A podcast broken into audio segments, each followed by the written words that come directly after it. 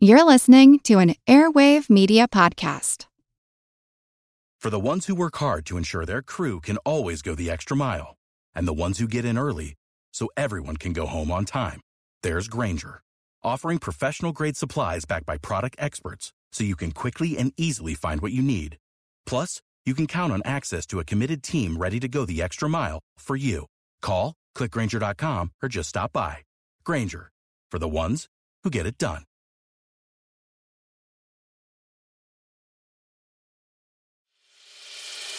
As a longtime foreign correspondent, I've worked in lots of places, but nowhere as important to the world as China. I'm Jane Perlez, former Beijing bureau chief for the New York Times. Join me on my new podcast, Face Off US versus China, where I'll take you behind the scenes in the tumultuous US China relationship. Find Face Off wherever you get your podcasts. This is Kick Ass News. I'm Ben Mathis.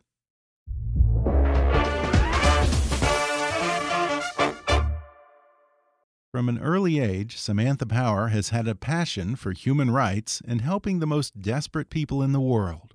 This former journalist personally witnessed the horrors of the war in Bosnia, won a Pulitzer Prize for her heart wrenching account of 20th century genocide, and advocated for human rights as the founding executive director of the Carr Center for Human Rights Policy at Harvard University's Kennedy School of Government. But then her writing got the attention of a young Senator Barack Obama and changed her life forever. She went from being an advocate working outside of the government to working on the inside at the highest level on the President's National Security Council and then as U.S. Ambassador to the United Nations. She quickly gained an appreciation for the complexity of decision making at the top, the gray areas that plague even the most seemingly black and white issues, and the unintended consequences of action and inaction. And yet, at the end of her eight years in the Obama administration, Samantha Power's belief in fighting for those who can't fight for themselves and the power of diplomacy to make a better world was not only intact, but strengthened by the experience. It's something she writes about in her new best selling book, The Education of an Idealist, a memoir. The Education of an Idealist has been listed as one of the best books of 2019 by the New York Times, NPR, Time, Economist, The Washington Post, and Publishers Weekly. And today, Ambassador Power joins me on the podcast to talk about it.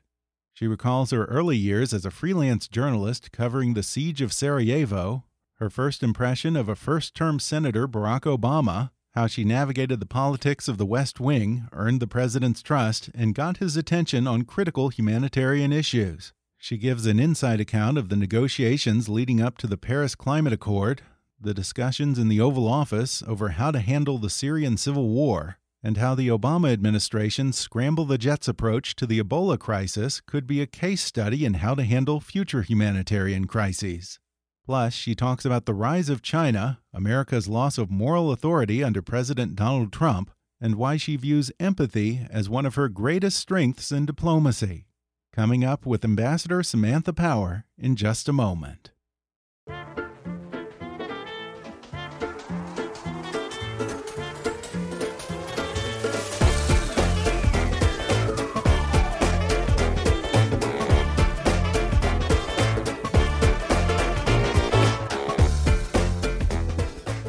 Samantha Power is a professor of practice at Harvard Kennedy School and Harvard Law School. Power, who began her career as a journalist reporting from places like Bosnia, East Timor, Rwanda, and Sudan, authored the Pulitzer Prize winning book, A Problem from Hell America and the Age of Genocide, and the bestseller, Chasing the Flame One Man's Fight to Save the World. Samantha Power worked on President Barack Obama's National Security Council as Special Assistant to the President for Multilateral Affairs and Human Rights and then became the youngest person ever to serve as U.S. Ambassador to the United Nations from 2013 to 2017. Now, Samantha Power writes about her experience in a new book titled The Education of an Idealist, a memoir. Ambassador Power, welcome. Great to be here. I, lo I love okay. the name of your podcast too. You have the best name, the Kick Ass oh, Podcast. I mean, who could do better than that? So That's like who who who would not want to listen to that? well, I have to tell you, I've had your husband Cass Sunstein on the show, I think at least once, maybe twice now. And he is such a brilliant guy. And I remember telling him, Cass, you are the greatest guest, but you know that I'm really dying to get your wife on the show. and he's like, I know, I know, I know. So, so I'm thrilled to finally have you on the show. He he's not crazy about being an intermediary. Uh, it'll shock you to hear. He's he's uh, whenever whenever he gets an email saying, "Can you put me in touch with your wife?" He has a very grumpy reaction. I'm not sure why. It's what most women have dealt with in in marriages for a very long time. Right. well, I have to say that he just talks about you in glowing terms. You can tell that he really loves you and has the utmost admiration for his wife, which is really sweet to see. I enjoyed this book very much, but I have to say, it ended up being very different from what I was expecting. Just going off of the title, I suppose that I probably assumed that the education of an idealist was sort of a polite way of saying the disillusionment of an idealist. I guess I thought that it was going to be a book about the conflict between idealism and real politics, but it's really not that. After going from being the outsider and this human rights champion to being on the inside of government at the highest levels and seeing how the sausage really gets made, how is it that you're not jaded and you seem to have come out of it with your idealism still intact? Yeah, more more than intact, I think. As you say, uh, more savvy and experienced uh, in the ways of the world and in what it takes to get things done. I think mainly that was is uh, sort of highest on my list of uh, lessons from my time in government, but also even from my time in journalism, understanding where journalism does and doesn't make a difference. But I think the reason I'm not jaded is first, I don't think being jaded is likely just for practical reasons to get anybody out of bed and fired up to go do anything during the day that'll make anything better anywhere. Mm-hmm. So uh, even if I were jaded deep down, um, I would find it an impractical approach to the human condition. I have a, a line you might remember in the book from Amos Tversky, the late great Israeli social psychologist, who says uh, I'm I'm not a pessimist. I'm I'm I'm an optimist because if I were a pessimist, I would suffer twice, and uh, and so so part part of it lies there, but mainly it's because in all these different incarnations that I've been privileged to have as an activist, a columnist, a teacher, a professor, a, a writer, and then finally in the government and as a diplomat, um, I just saw how individual agency could make such a profound mm. difference. I also want to ask you to talk about some of the areas where you feel that you made a difference, but perhaps because we're psychologically hardwired to focus more on dangers and failures than the wins, eh, particularly incremental wins tend to get overshadowed. What are some accomplishments during your time in the Obama administration that you feel might have gotten overlooked or overshadowed by the big headline grabbing events? You know, the the very high profile um, areas during the Obama years where we did not move the needle sufficiently um, to improve lives or save lives. Syria, of course, which we'll talk about, I'm sure, is the best example of that. But for every Syria, there is an Iran nuclear deal where mm-hmm. you see diplomacy, really complicated diplomacy on very technical issues with Russia, China, Europeans, and others at the table, but giving rise to a, a peaceful end to Iran's nuclear program. The Ebola story, which I tell in the book, of you know building the airplane while you're flying it and getting the U.S. military to go in along with um, you know a couple thousand U.S. health workers into West Africa, dealing with the Ebola catastrophe at its source, so that it wouldn't come to the United States. And then really small, modest initiatives like the one that I and my team undertook at the UN of trying to get female political prisoners out of jail and just making a very simple, small list of 20 around the world China, Uzbekistan, Egypt, Ethiopia, a bunch of different countries, and using social media, teaming up with Republican and Democratic female senators in Washington who. And even in those days, weren't agreeing on much of anything, but threw their weight behind this campaign and, and helping secure the release of 16 of those 20 women. So, from the small to the the large um, you just you just really up close and and working within uh, a country as powerful as the U.S., especially you know to have that privilege, I could really see um, the difference that individuals were making, and and particularly the civil servants and the foreign service who now we've heard from in their public testimonies for all the wrong reasons, but nonetheless, I think you get a flavor for what I got to work with for eight mm-hmm. years within the Obama administration of just these people who serve, no matter who the president is, who come from very different walks of life, bring very different forms of expertise, but who want to serve the Constitution, the American people, the rule of law, and you know they make political appointees like me look a lot smarter than than we are, mm-hmm. and that, that's one reason you are able to do so much is is the lifeblood of the of the U.S. government are these individuals who who serve without a lot of glamour and, and pay.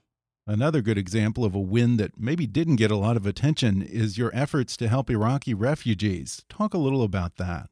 So, one of those issues was Iraqi refugees, um, where I had a really important ally on, on some human rights issues. You know, some of my close colleagues would oppose my perspective, for example, if I wanted to cut off military assistance to a government that had been committing abuses, there might be a longstanding military to military relationship that the Defense Department wanted to maintain.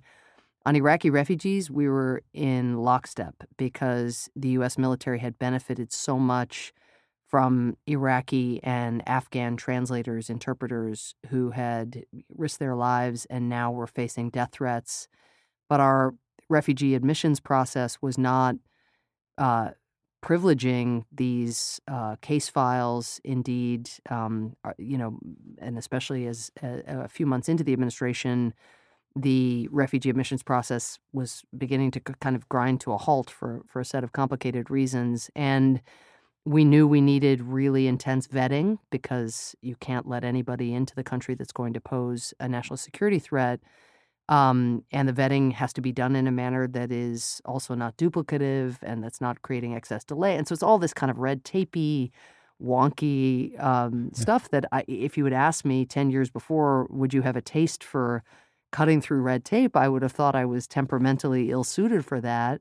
but when it came to thinking about these interpreters whose lives were on the line and whose families' lives were on the line simply because of the sacrifice they had made working with U.S. forces, it was so motivating that the red tape it became infinitely interesting. Um, and so I think managing to work with the intelligence community, the counterterrorism agencies, the State Department and others to to get the the proper system put in place and then to see those individuals uh, coming to this country or getting reunited with their families. I mean, it's immensely gratifying. You also talk about how the same scramble the jets approach America used for warfare could be and should be deployed for humanitarian purposes, such as addressing the Ebola crisis and even climate change. Now, you helped shepherd through the Paris Climate Change Accord, which now every Democrat running for president says they're going to rejoin. But you also say in here that that's not sufficient to meet the level of threat right now. So, what else do you think needs to happen? Um, you know, on climate change, it, it, if we begin to turn the tide, no pun intended, it will not be because a group of states came together and you know negotiated the successor to the Paris Agreement in a more ambitious way. It'll be because p- citizens, companies, local officials, uh, young people especially, are just claiming this and refusing to accept these you know, kind of um, either the inaction that we see in some countries like ours or just these more incremental steps that aren't going to get us where we need to go. And you mentioned a moment ago your previous life as a journalist. When you were just 23 years old, you took off on your own to cover the war in Bosnia. You were just a freelance journalist, so you had no news organization backing you up, no team around you to keep you out of harm's way in the middle of a war zone how in the world was it that you were not scared out of your mind to go into that situation? I was scared out of my mind. okay. I was most definitely scared out of my mind. I think, I mean, there was a community of freelance journalists just like me who had who had descended whether on Belgrade or on Zagreb, Croatia or Sarajevo, and with with just a, a kind of dedication to telling the story of ethnic cleansing. Remember what Bosnia was at the time? It was this, seemed like an anomaly because the Cold War had just ended, the Soviet Union mm-hmm. had dissolved, freedom right. was on the march, NGOs were proliferating, civil society all around the world. And then there was this pesky ethnic conflict where people were being targeted on the basis of their religion and their ethnicity.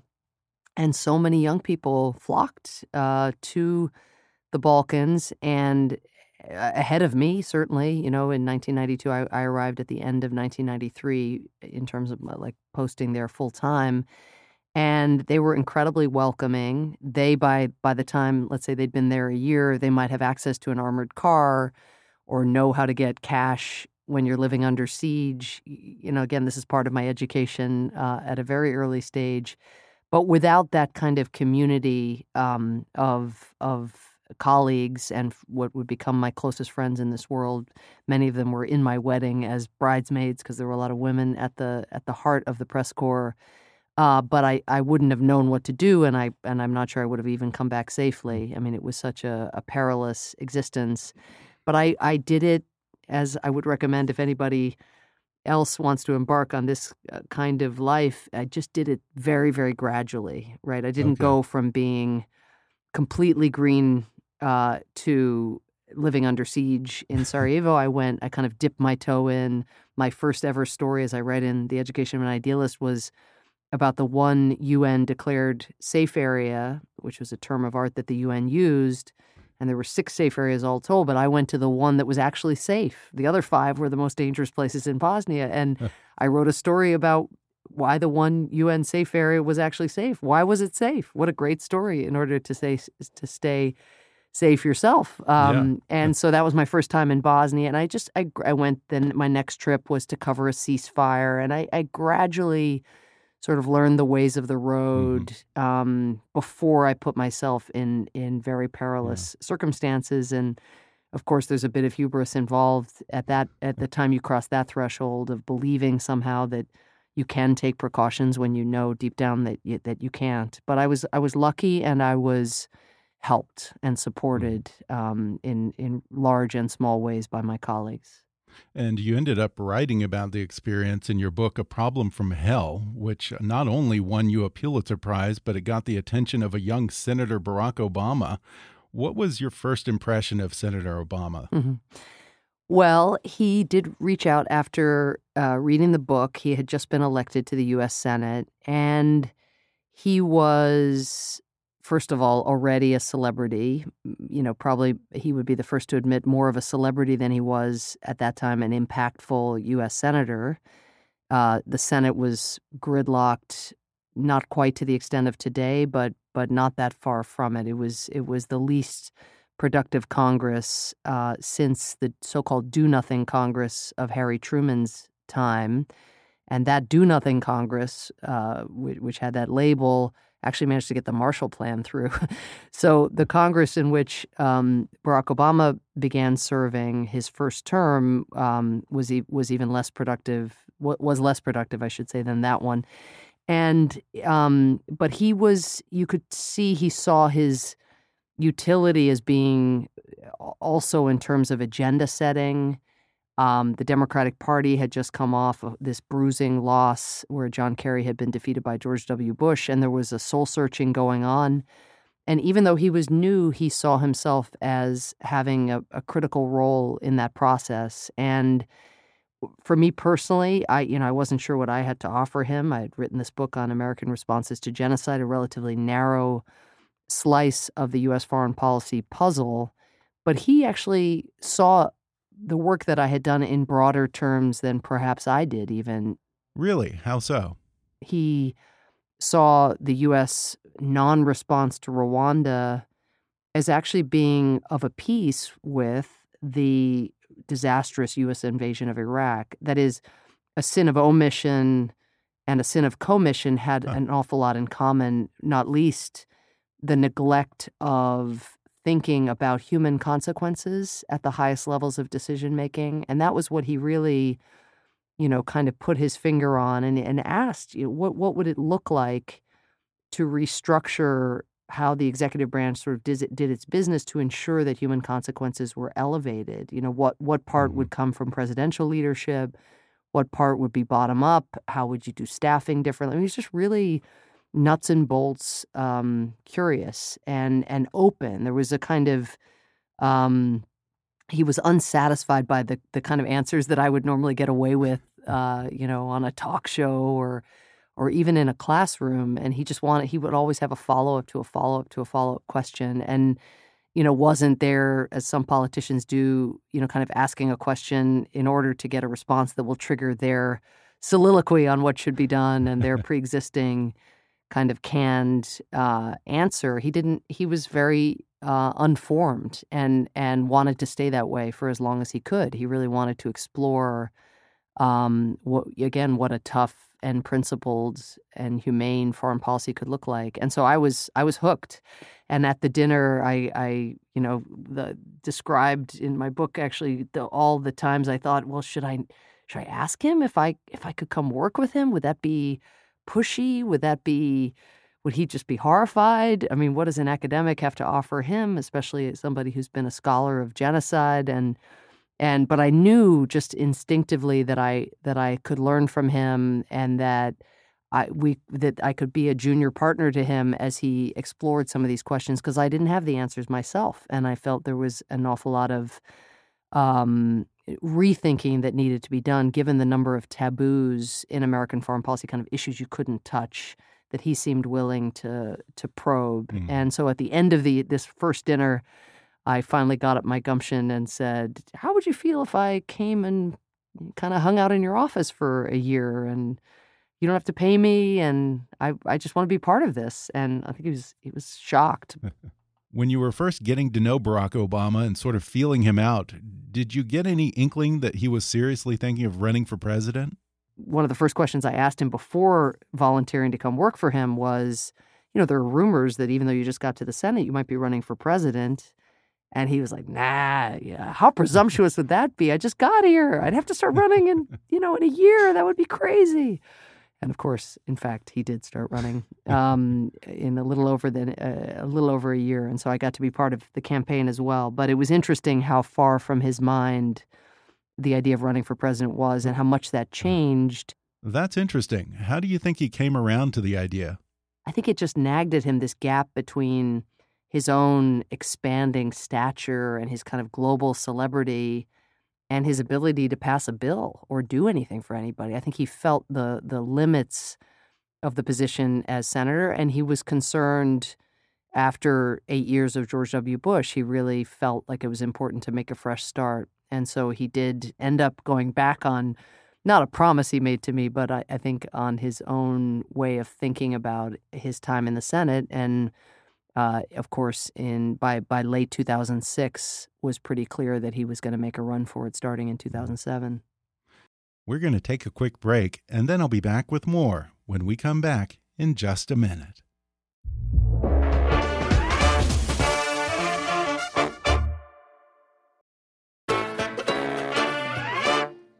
And after the election, you were brought over to the White House as a member of President Obama's National Security Council. You say that then you felt very much frozen out because just access to the president is so tightly controlled in that situation. What was the key to getting back in the inner circle? I think being effective fundamentally. Mm -hmm. You know, I initially was a bit bruised. I had been close to Senator Obama in the Senate and then close to him on the campaign. And then suddenly there were these layers that I hadn't really expected you know, of course it stood to reason I wouldn't be able to email him or, you know, have walk in office privileges in the Oval Office at the outset or anything like that. I knew that. But I just, there were people who didn't fundamentally either weren't curious about my perspective or actually had an active interest in um, you know, in in sort of keeping me um, on the on the outside. And mm-hmm. so I got great advice from the late great diplomat Richard Holbrooke, who said, you know, you can sit here and whine about your access, or you can go do some things in the government. And um, the main reason to do things in the government is you may not have a job like this again. To be the president's human rights advisor is um, such a privileged role to have. There are so many communities in the world who don't get White House attention, and you have the chance to bring that attention. Um, you should go where other people aren't instead of wanting to flock to the big policy questions where 50 senior officials are talking in circles. And, and Holbrooke was funny. He said, you know, uh, many of the meetings you're you're desperate to get into are meetings. The very same meeting will happen again next week. you know, it's they're, they're these are these are meetings that aren't yielding um, conclusions, not because of Obama, but big, they're really complex, right? The question yeah. of what to do about Afghanistan and whether to surge our troops and and so I went off and just worked on a few discrete issues and really, in a way, used my own learning on those issues, my own deep dive into those issues to myself also get better at working the bureaucracy and learning. It doesn't matter if an issue is in the headlines. Um, again, if you can use these positions to do good, even small good, um, it, it, it's it's uh, it's a luxury and a, and a, privilege you may not get again. And so mm-hmm. I, I, really tried to make the most of my time and had a list that I kept taped up next to my computer of the affirmative um, agenda items that that I wanted to to get done on behalf of President Obama. And then, as word got out that I was able to get these things done, then you know it, other uh, people working in the government want to have you around because if you know how to work the government and create coalitions and work with other countries, that's that's an invaluable set of skills. So so once I had those skills, then it was less about getting into a meeting to be in a meeting. It was more about what specifically or how are you mm-hmm. going to add value when you get there. So just kind of keeping your nose to the grindstone and gradually earning your place at that table. And there are also these moments in the book where I guess you haven't had that much one on one contact with POTUS and you're trying to be heard on an issue, and he'll say something like, okay, you know, we should get together so you can tell me everything I'm doing wrong. Or he'll say, I know, I know. We've all read your book, Samantha. Did you almost feel that you had to be mindful of not being, for lack of a better word, too much of a Debbie Downer for fear that the president might duck you in the hallways or you wouldn't be able to get his ear anymore? It was, I think, the the key to not you know, igniting his or irritating him or igniting his ire um, was, you know, trying to put myself in his shoes mm-hmm. and try to think to myself, okay, what constraints stand in his way? I have this thing I think we should do as a government. Uh, he and I, are, you know, see things largely the same way, the same values. We care above all, of course, about advancing U.S. interests and and see those as linked often though sometimes there are trade offs. And so if he's not agreeing with me, he's probably not agreeing with me for some decent reason. And so mm-hmm. I better think really hard about that reason and meet him where he is. And I think when when President Obama found himself, you know, talking in circles or found the rest of us talking in circles, that's when he would show some irritation. But he when I wasn't in meetings or when I was quiet in meetings, you know, he'd say, What do you have the flu?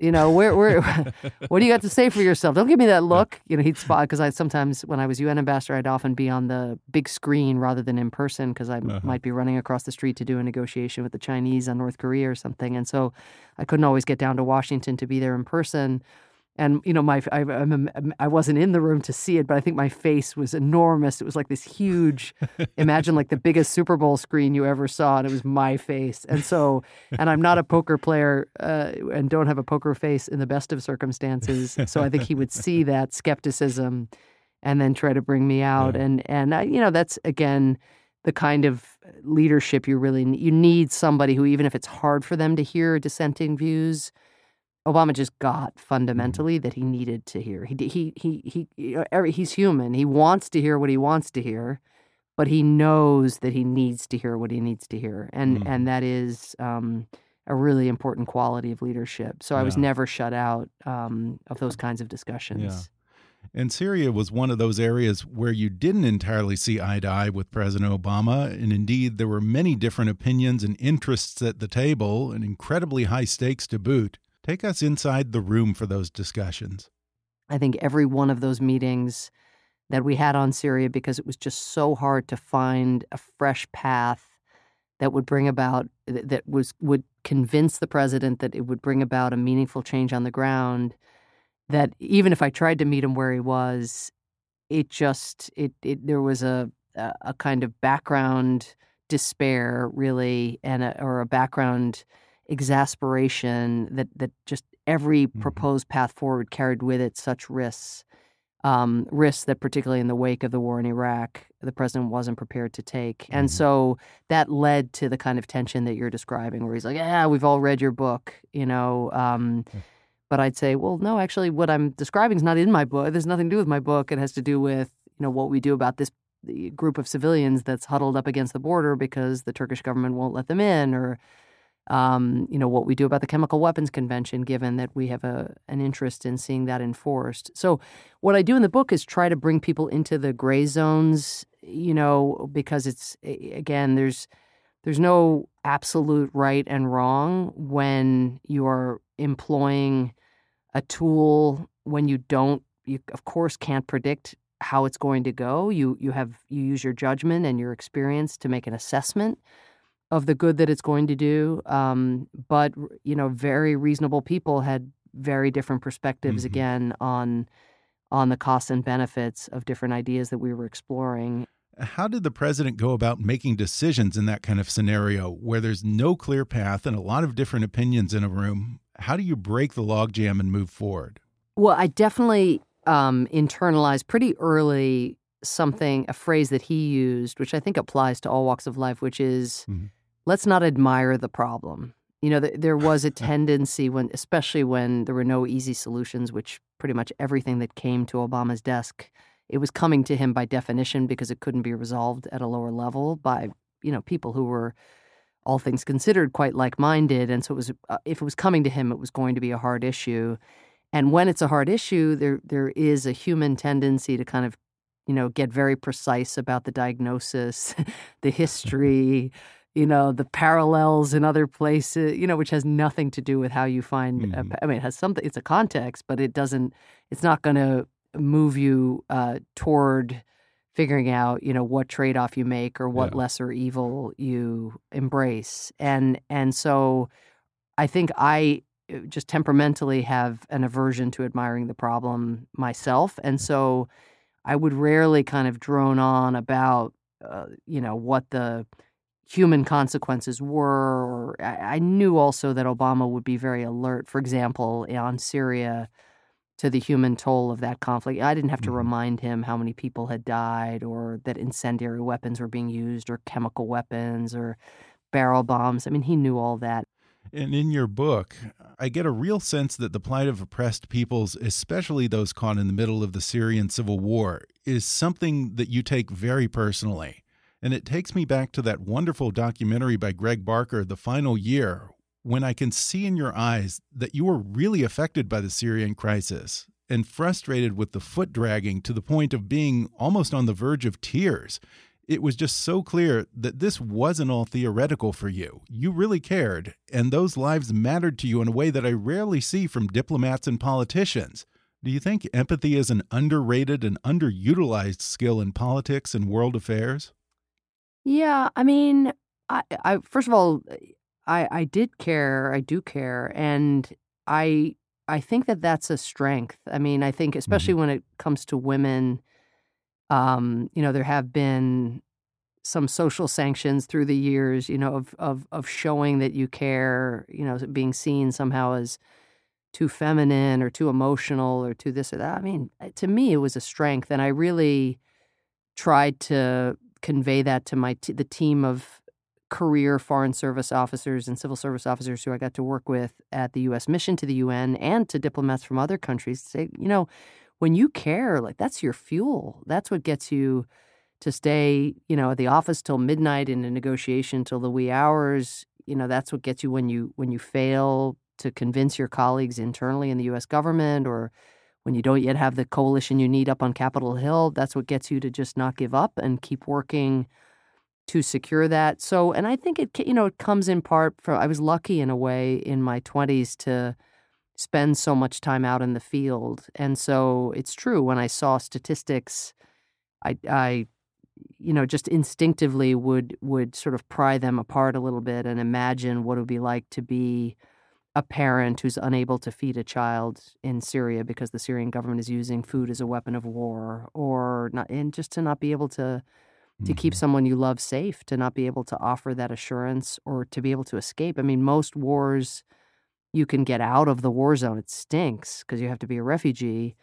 But with Syria, so many people were trapped in enclaves and they just couldn't leave. They were just subjected to shelling and sniping and um, and starvation tactics, and they were just trapped. And just to imagine what would it be like to to be trapped, well, you know, for any of us. And and so I think uh, on you know my my team of of diplomats that I got to work with who who stayed on, of course, into the Trump administration as well. These lifelong um, U.S. diplomats, they they really did. I mean, my they stayed later. They worked weekends. You know, the sacrifices of being away from their families because they cared and i think they saw the humans on the other side of those statistics or those more antiseptic briefings that you get uh, sometimes in the us government or at the un well let me ask you this. When you allow yourself to become emotionally invested in the plight of the most desperate people how do you not take that home with you? I mean if i was dealing with something with those kind of stakes it would be all i ever thought about all the time. I mean i i knew that my time in first as the president's human rights advisor and then as UN ambassador was by definition finite. And and so this sense of luxury that I had of being in a position not always to achieve what I set out to achieve, but to try. I mean, imagine, mm-hmm. you know, how that felt after years of having been a journalist, a columnist, an activist, trying from the outside to get someone in a job like the one I had to care. And now I was in that job and I had this team of amazingly talented specialists and language experts and we had all these embassies around the world. I mean, we could we could do things. And so even when I was banging my head against the wall, uh, for example, on Syria, I could work with the Russian ambassador to try to get at least one Syrian political prisoner out of jail in a given month or I could shift gears entirely and go and work on the Ebola crisis or getting the Paris Climate Agreement across the finish line so that we would begin to, you know, take some of the steps that we needed in order to deal with the climate crisis. Um, so that sense of privilege and gratitude, I guess you could say, a kind of spirit of gratitude, also knowing I wasn't in the situation, you know, I could tuck my kids in at night and and, you know, be relatively confident that that nothing was going to happen in the night uh, you know and I, so i just i felt lucky throughout and mm. and um so you know it's not to say that it didn't get to me or that it there weren't heartbreaking moments but i i tried to remember how sh- how short my time on the clock was and to wallow or to think that it was about me rather than the issues was was going to mean squandering precious time to do something for someone. Yeah. Now, one topic that seems to lurk in the book throughout your time in the government is what China's rise means for what you're trying to accomplish at the UN and for the United States overall. Tell us a little more about that. Well, I think it's a complicated question. I mean, definitely China's arrival, you know, guns blazing on the international scene, which has been kind of gradually happening over the last decade, but is really you're really seeing it today is a major new factor. It's the it's the most significant transformation of international affairs in my lifetime. I mean, I think I think you know it it will prove every bit as transformational very soon as the end of the Cold War and and in coming years it'll be even more um, earth shattering, really. I mean, it's just the, the, the, the size, the power, the ambition, uh, the very, very different model of governance, but also the fact that the U.S. and and China are much more intertwined than the U.S. and Soviet Union were. So some of the tactics that were employed against the Soviet Union just are not going to work against China, given how uh, connected we are economically, especially. More generally, do you think that it's become more difficult for the U.S. to push back on human rights in places like Syria and Sudan, given that it just pushes those bad actors into the arms of China and Russia today? I mean, any country can forum shop. So, how much leverage does the U.S. still have? I think the better way to look at it, your your point is is a very good one uh, about China's rise and how significant it is so um, there is an issue where a country might say, "Yeah, yeah, yeah, you and your human human rights concerns. You know, we've got this great new infrastructure project that we're going to do with China, and buzz off." Um, and you see some of that, but you also see a couple other dynamics, which is, and and this is going to sound sort of old fashioned or corny, perhaps, but there is a longing that people have everywhere, including in China, um, even if it's repressed, to be able to hold accountable those people in positions of power who are not doing right by you.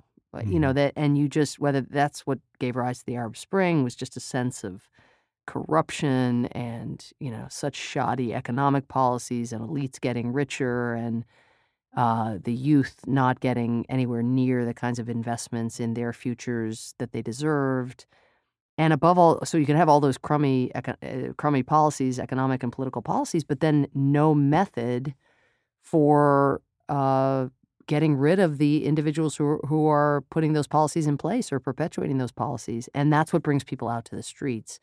So, on the one hand, you definitely have governments inclined to sort of say, oh, we don't have to listen to your human rights, blah, blah, because we've got China that's not going to raise any of those issues with us.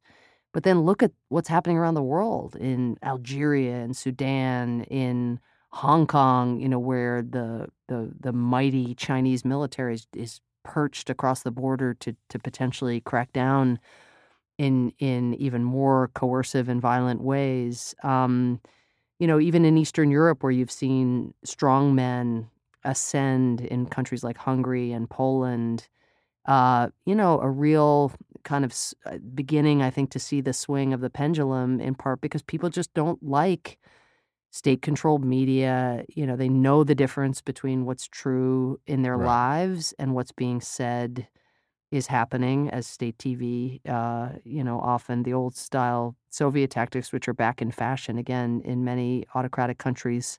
But the the hunger hasn't gone, and you're also seeing a growing backlash against China's no strings attached investments and also the kinds of debt that China is saddling some of these developing countries with. And so I, I guess I, it, it seems like a very kinetic and volatile time, but not one where the future is foretold.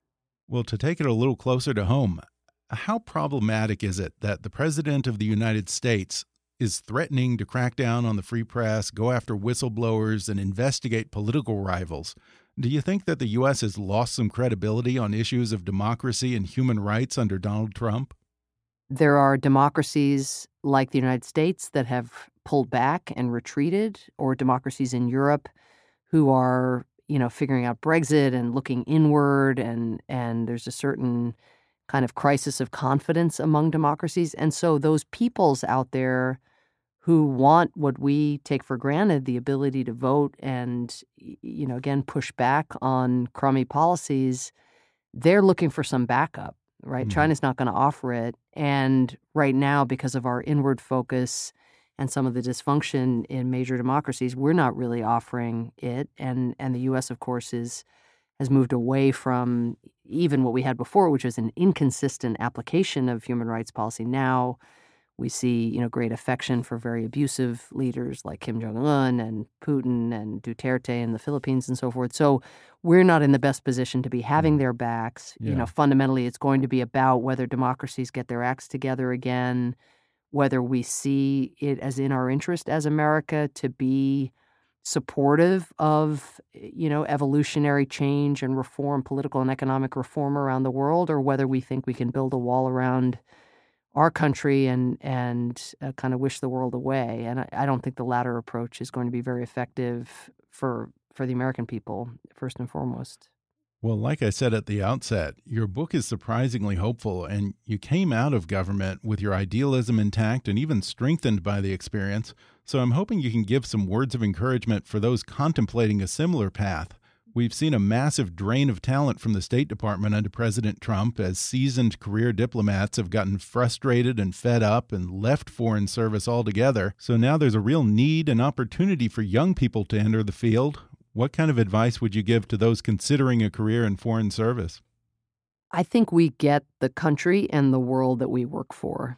And there are new these new forces that we've just been discussing, like the rise of China um, and growing inequality around the world, that can be kind of daunting. But time and again in our history, the thing that, that the factor that has been the most determinate in whether we see, um, you know, greater uh, access to education, greater access to civil and political rights, greater economic opportunity.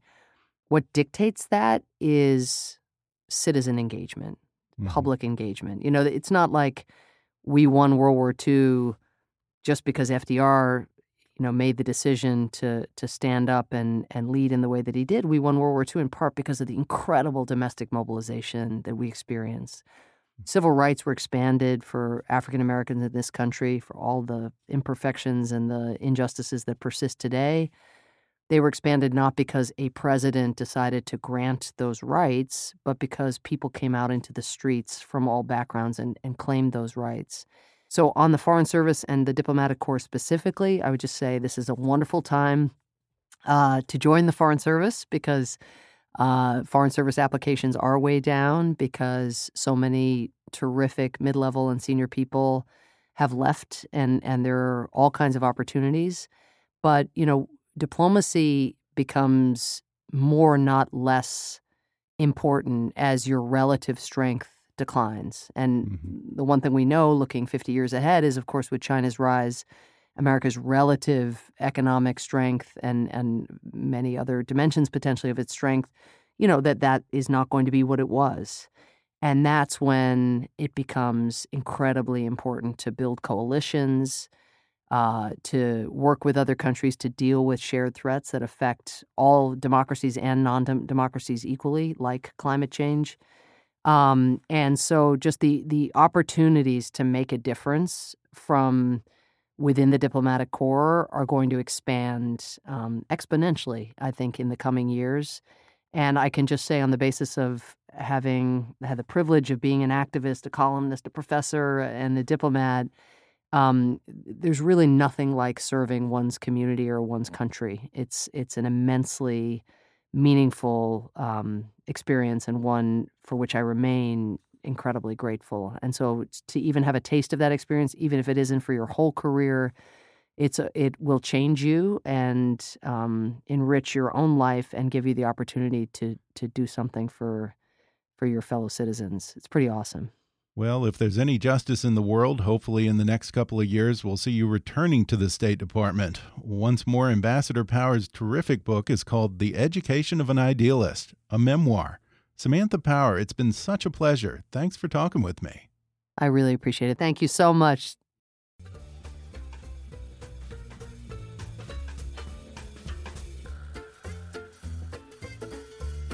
Thanks again to Samantha Power for coming on the show. Order her new book, The Education of an Idealist, a memoir, on Amazon, Audible, or wherever books are sold. Keep up with her at samanthapower.com and on Twitter at, at Samantha J. Power. If you enjoyed today's podcast, be sure to subscribe to us on Apple Podcasts and rate and review us while you're there. Five star ratings and detailed reviews are one of the best ways for new listeners to discover the show. You can also follow us on Facebook or on Twitter at, at KickassNewsPod and recommend us to your friends on your social media. For more fun stuff, visit kickassnews.com, and I welcome your comments, questions, and suggestions at comments at kickassnews.com. For now, I'm Ben Mathis, and thanks for listening to Kickass News.